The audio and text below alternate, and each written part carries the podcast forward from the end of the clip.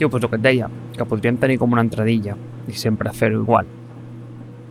On, no sé, on jo et dic, jo què sé, tio. He estat pensant en... O no, o, tio, simplement, tio, com... Bo, o sigui, bon dia, Ramon, saps? Eh, de què parlarem avui? O, o de què va el safreig d'avui? Vinga, jo... sí. Bueno, jo penso que ho hem de trobar així natural una mica. Sí, a veure clar. com... Eh, saps una Sí. mica com, com Ben Thompson en el, en el programa que té amb l'altre, amb James Allworth, que sempre comença igual, que, que, que sempre eh, un li diu eh, Hi Ben, how are you? I, i l'altre li contesta, i sempre és exactament el mateix. O sigui, aquest és el típic. I l'altre és pues, eh, començar a la John Gruber, que començar a la John Gruber pues, és pues, el que estem fent ara. És com si pues, eh, em comences a ditar ara i estem parlant i entres com dintre la conversa ja. És que a mi m'agrada així. M'agrada que estiguis ja dins, que no sembli una cosa preparada, que sembli allò... M'agrada molt la metàfora de la mosca, de tu ets una mosca que està al mig de... o dins d'un bar, està enganxada a la paret i estàs escoltant totes les converses que passen. I per això, i m'agrada el concepte de com que no acabarem cap capítol en 20 minuts i ens haurem de tallar, igualment, jo penso que està bé que no comenci i que tampoc acabi, que sigui com un continu. El que passa és que, clar, això no té res a veure amb el, amb el que estem parlant, per tant, no sé com, com endinsar-ho o com, com endinsar-nos a dins de la conversa. pues arriba un moment... Tu pensa que el safreig és extremadament divergent.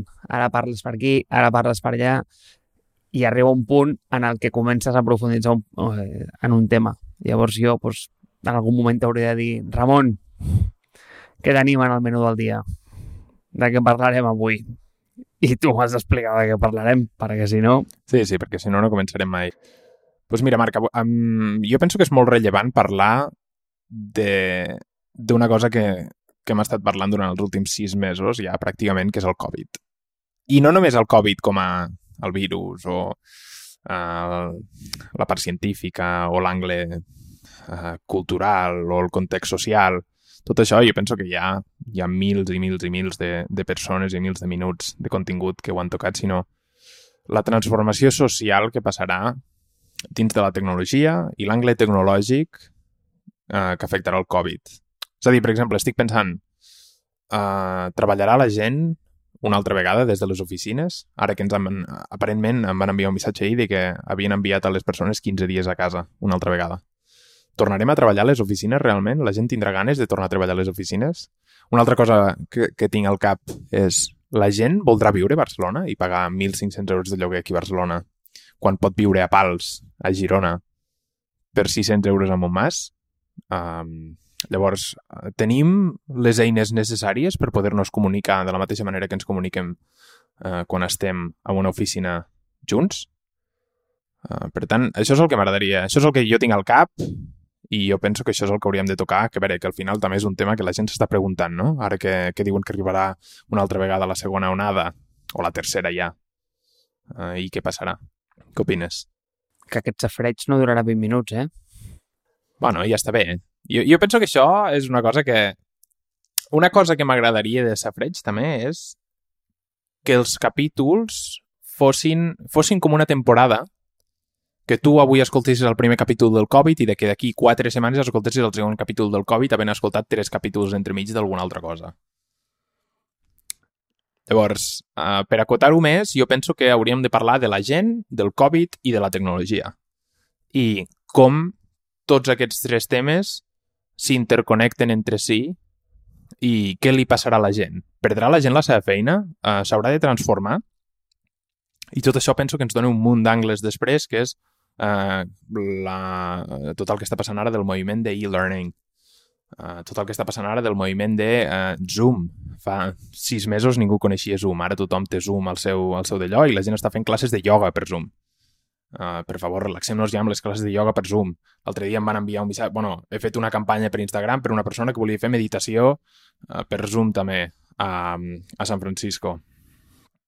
Relaxem-nos ja amb tot això. Per tant, uh, trobo que hi ha molts angles aquí, trobo que hi ha moltes coses, ho hauríem d'acotar, però, però jo penso que m'agradaria saber què penses tu del que està passant no, no a escala política, perquè no m'interessa tant a escala política, vull dir, n'hi ha uns que diuen una cosa, els altres que diuen una altra i al final mai ens ficarem d'acord, sinó què, amb què afectarà el Covid a la societat?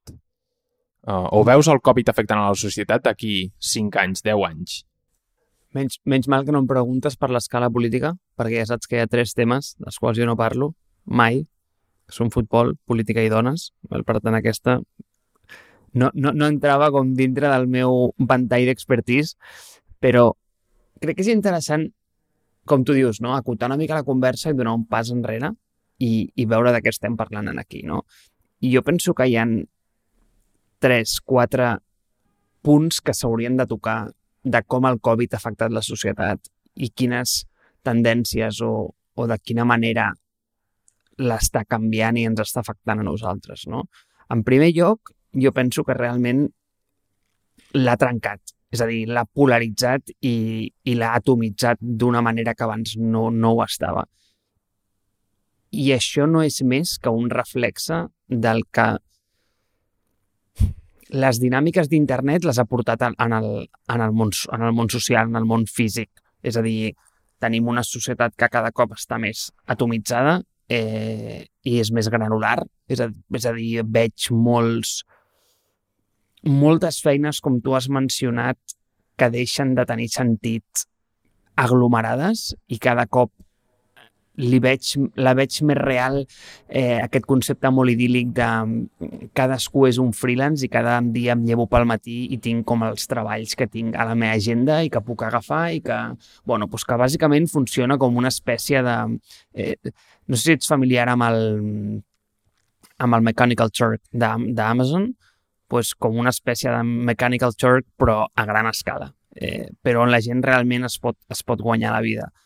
Eh, aquesta és, jo penso, com, com una de les una de les tendències. La segona és que ha, des, ha desbloquejat mils de nichos que abans no estaven eh, disponibles i, i crec que això és una bona notícia en el sentit de que és el millor moment per explotar la teva passió i, i no ho dic des d'un punt de vista idealista, eh? Vull dir, penso que realment eh, existeix aquesta possibilitat, el fet de que internet desbloqueja absolutament tots els nichos i que mm, pots agafar i dir, ei, trobaré una audiència aquí perquè un cop el pool de gent el, el, el número absolut és, és suficientment gran, els percentatges deixen d'importar, és a dir, no, ja no t'has d'obsessionar pel teu market share, pel que sigui, vull dir, aquí entra molt en joc aquest concepte dels 1,000 true fans de, de Kevin Kelly, i crec que això és més rellevant que mai. I per altra, i ja et diré com penúltima, jo crec que ha accelerat i ha consolidat tendències que ja estaven passant. O sigui, coses que ja estaven succeint a la societat, crec que el Covid el que ha fet ha estat mm, accelerar-les d'una manera i consolidar-les d'una manera que no hagués sigut possible d'una altra manera. I, i, i de què t'estic parlant? T'estic parlant, pues, treball en remot, com tu has dit, surveillance, mm, telemedicina, e-commerce, eh, els e-sports, tot el món de l'streaming. Eren tendències que estaven creixent abans i que anaven a més, però el Covid les ha assentat d'una a la societat i ha dit, senyors, estic aquí per, per quedar-me. Però mm, toca, tocant el teu, el teu últim tema, eh, bueno, vull tocar a un parell de temes. El, el, el tema de, o l'angle de la societat atomitzada, um, l'angle de la societat atomitzada en quant a persona que treballa des de casa o quan a feina o quan a microfeina. És a dir, Uh, això, un, un dels temes que, que vam proposar és uh, l'educació tradicional contra l'educació dels bootcamps, per exemple. Uh, I això tocarem uh, per a, en aquell capítol. Però jo, a mi m'agradaria tocar a un, a un tema aquí que és, sí que és veritat que potser ens en anem més cap a no feines tan llargues, és a dir, que això també era una, una tendència que estava passant, no? que els, els 20 anys amb una feina ja no existeixen, sinó que tu treballes amb un projecte petit amb una empresa i després te'n vas a treballar amb un altre projecte. Tot i així, una de les coses que jo he vist um, és que això causa una separació entre... És a dir, nosaltres som bitxos socials. Som bitxos que necessitem gent al nostre costat, eh, necessitem... Eh, bueno, Espanya és un dels països amb més bars de tot el món. per exemple, i, i podríem parlar de com eh, de les mesures pobres que s'han fet a, a, als bars de, de, de Catalunya i d'Espanya en general. Però, però el que volia dir amb això és que el, to, tocant amb el teu últim tema, que és que el Covid ha accelerat tendències que estaven passant, jo penso que les ha accelerat, però no sé fins en quin punt això és una cosa que serà bona a llarg termini o serà dolenta. És a dir, tu penses que el treball amb remot està bé preparat per ser assentat aquí? O tu penses que el tooling que nosaltres necessitàvem per, per tal de poder connectar-nos de manera interactiva està bé preparada? És a dir, jo treballo, jo treballo amb una persona dels Estats Units a 9 hores de diferència.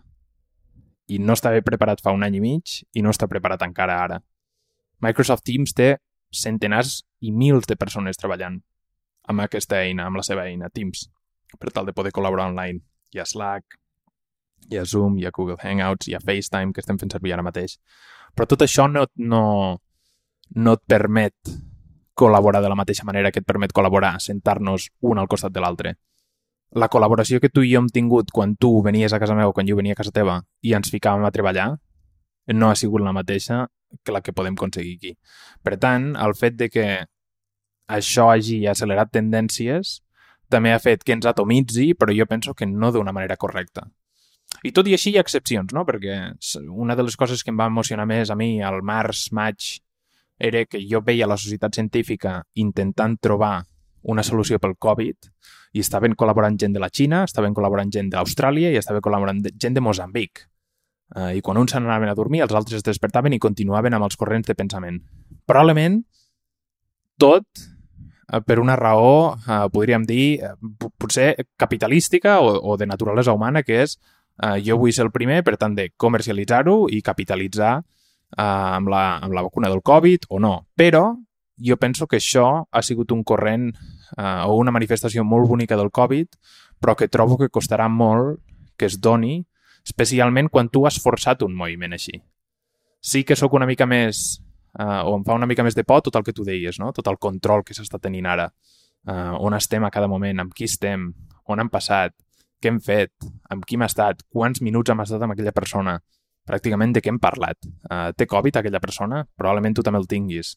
I tot això trobo que és molt fàcil d'implantar, trobo que és molt difícil de treure. I tot i que sigui privat, um, ara mateix ja ens han donat la perfecta excusa. I això a mi em fa una mica de por. Em fa una mica de por la crispació, em fa una mica de por que se sentin les males praxis i em fa una mica de por que una tendència tan forta i tan bona com el treball en remot, que tothom hauria pogut experimentar, no es quedi aquí perquè les eines que teníem no estaven preparades. I ja sé que això crearà corrents de pensament i noves eines que ens facin estar units tot i estar a quilòmetres, uh, a quilòmetres de distància. Però tot i jo ser un gran idealista de la tecnologia, em costa pensar com la tecnologia pot solucionar aquesta. Costa molt pensar aquesta. No, o sigui, jo penso que aquí hi ha dos temes diferents i, i tu els has desgranat molt bé. El primer és com les dinàmiques d'internet han permeat la societat. I amb això amb què em refereixo? Què passa a internet? Tio, a internet eh, és, un, és, un, és un ambient, és una dinàmica de winner, winner take all. Eh, no hi ha espai pels, pels mediocres, per dir-ho d'alguna manera. I aquest factor es magnificarà moltíssim, moltíssim. És a dir, més et val començar a destacar amb allò que ets bo, perquè si no difícilment seràs visible. Serà molt complicat. La part positiva d'això és que internet també fa una cosa mm, molt dolça en aquest sentit i és que desbloqueja tots els nichos. Tot és possible. Si tu abans vivies en un poble de 30 habitants i t'agradava molt la ornitologia, segurament estaves més sol que la una i no podies eh, viure d'allò.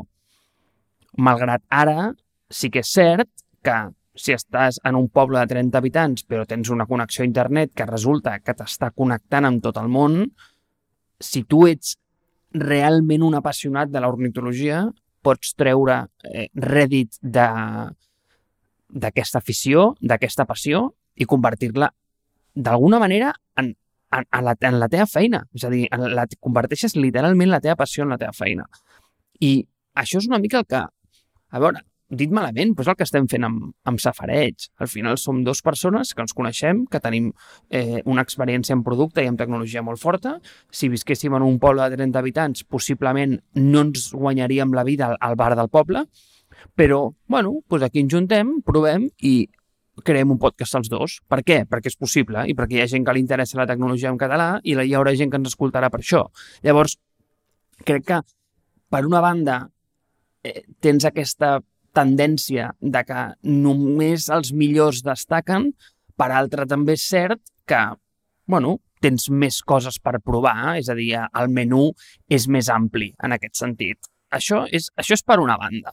Després està el que dèiem, no? que eh, està molt atomitzada. bueno, és, és normal, o sigui, al final eh, deixa de tenir sentit com aquesta massa de gent movent-se cap a... Tu em deies abans, eh, no, és que tot tendeix a projectes petits i de, i de, i de, i de curta durada. És cert, o sigui, aquesta idea de bueno, doncs me'n vaig a treballar per mm, companyia X amb 18 anys i em jubilo allà, doncs eh, that's not true anymore. O sigui, això ja, ja, ja, ja no està passant.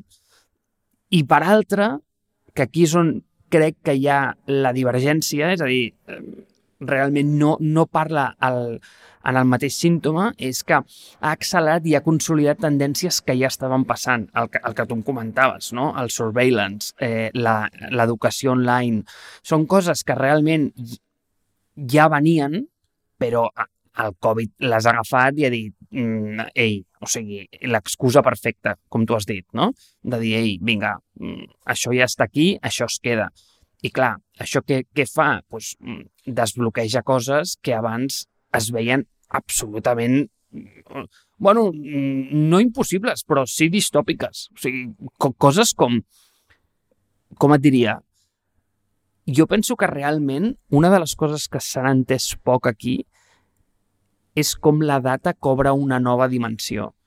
I amb això tu has tret el tema de l'educació. Jo hi he pensat molt en l'educació i com la data pot afectar el Covid o, o, o, un, o un vertical d'aquest tipus. I tu ara imagina't, Ramon, imagina't que tot el teu trac educatiu es grava i que cada una de les teves interaccions, totes les reaccions que tens, gestos facials, eh, eh, no sé, reaccions sobre què explica un professor, eh, com actues en cada una de les lliçons, com parles amb els teus companys. Imagina't que no hi ha exàmens, sinó que cada segon suma. Estàs literalment monitoritzat per un, un algoritme, un... Tio, al final és... Estàs lluitant contra una màquina que està en un data center i que t'està literalment monitoritzant tots i cada una de les coses que fas des del més petit detall. I això és el teu track record educatiu. I clar, a sobre les empreses després poden tenir accés a aquesta informació. Això és el teu, anem a dir, expedient acadèmic. El, el que t'està generant, i no només amb educació, sinó amb mil altres verticals com aquest, és un món de possibilitats que ara jo crec que no ens podem ni imaginar. El que passa és que el que t'estic dient no és distòpic. O sigui, és real, és com funciona aquest model. Vinga. Ah, està bé que el primer capítol sigui uh, el primer capítol doble, també. Vull dir, jo penso que parlarà, penso que parlarà de la tendència de, de com, com, ho farem, com ho farem anar, això.